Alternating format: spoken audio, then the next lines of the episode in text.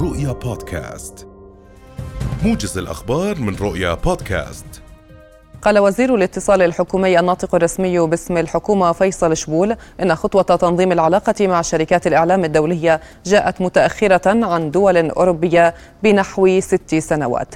وأضاف الشبول لرؤية أن الفريق الفني العربي المشارك في الاستراتيجية العربية الموحدة للتعامل مع منصات التواصل سيجتمع في عمان يومي التاسع والعشرين والثلاثين من آب الحالي لوضع ملامح الشروط والقواعد المنبثقة عن الاستراتيجية بما يحقق أهداف ضبط مخاطر الفضاء الإلكتروني الرقمي وتحصين وجود وسائل الإعلام التي باتت تواجه خطرا حقيقيا باستحواذ منصات التواصل على سوق الإعلانات.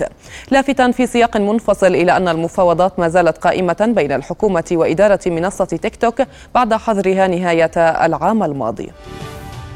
كشف مدير تنسيق القبول الموحد الناطق باسم وزارة التعليم العالي والبحث العلمي مهند الخطيب تخصيص 640 مقعدا لتخصص الطب على القبول الموحد في مختلف الجامعات إضافة إلى 160 مقعدا لتخصص طب الأسنان و80 مقعدا لتخصص دكتور الصيدلة و456 مقعدا لتخصص الصيدلة للعام الحالي. وبحسب الخطيب فقد وزعت مقاعد تخصص الطب على 100 مقعد لكل من جامعات الهاشمية ومؤتة والبلقاء واليرموك إضافة إلى 120 مقعدا في جامعة العلوم والتكنولوجيا ومثلها في الجامعة الأردنية. اجتمعت لجنة الصحة والبيئة النيابية يوم أمس لبحث الخلاف الدائر بين نقابة الأطباء وشركات التأمين. وطلبت اللجنة في بيان لاحق الصحفيين والإعلاميين بعد منعهم من تغطية الجلسة بالاطلاع أولا بأول على عمل لجنة شكلت برعاية وزارة الصحة قبل يومين لحل الأزمة.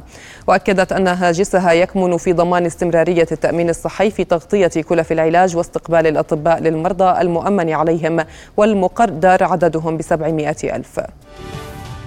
قتل ثلاثة وأصيب آخرون بجروح عندما أطلق رجل مسلح النار في حانة بولاية كاليفورنيا غرب الولايات المتحدة بحسب ما أفادت الشرطة. موضحة أن مطلق النار قتل أيضا. وقالت مصادر أوردتها صحيفة لوس أنجلوس تايمز أن مطلق النار شرطي متقاعد كان يستهدف زوجته المنفصل عنها. وتعاني الولايات المتحدة من انتشار الأسلحة النارية على أراضيها. فواحد من كل ثلاثة بالغين فيها يملك سلاحا ناريا. قال المتحدث باسم الحكومة الفرنسية أوليفي فيران اليوم إن ثمة شكوكا منطقية حول ظروف تحطم طائرة قائد مجموعة فاغنر الروسية الذي قضى في حادث تحطم الطائرة. وأضاف فيران في مقابلة مع محطة فرانس 2 أنه لم تعرف بعد الظروف التي وقع فيها حادث التحطم هذا ومما يثير شكوكا منطقية أو منطقية دون أن يوجه الاتهام صراحة إلى الكرملين وكان الرئيس الأمريكي جو بايدن قد قال في وقت سابق إنه قلما تحصل أمور في روسيا دون أن يكون الرئيس فلاديمير بوتين وراءها.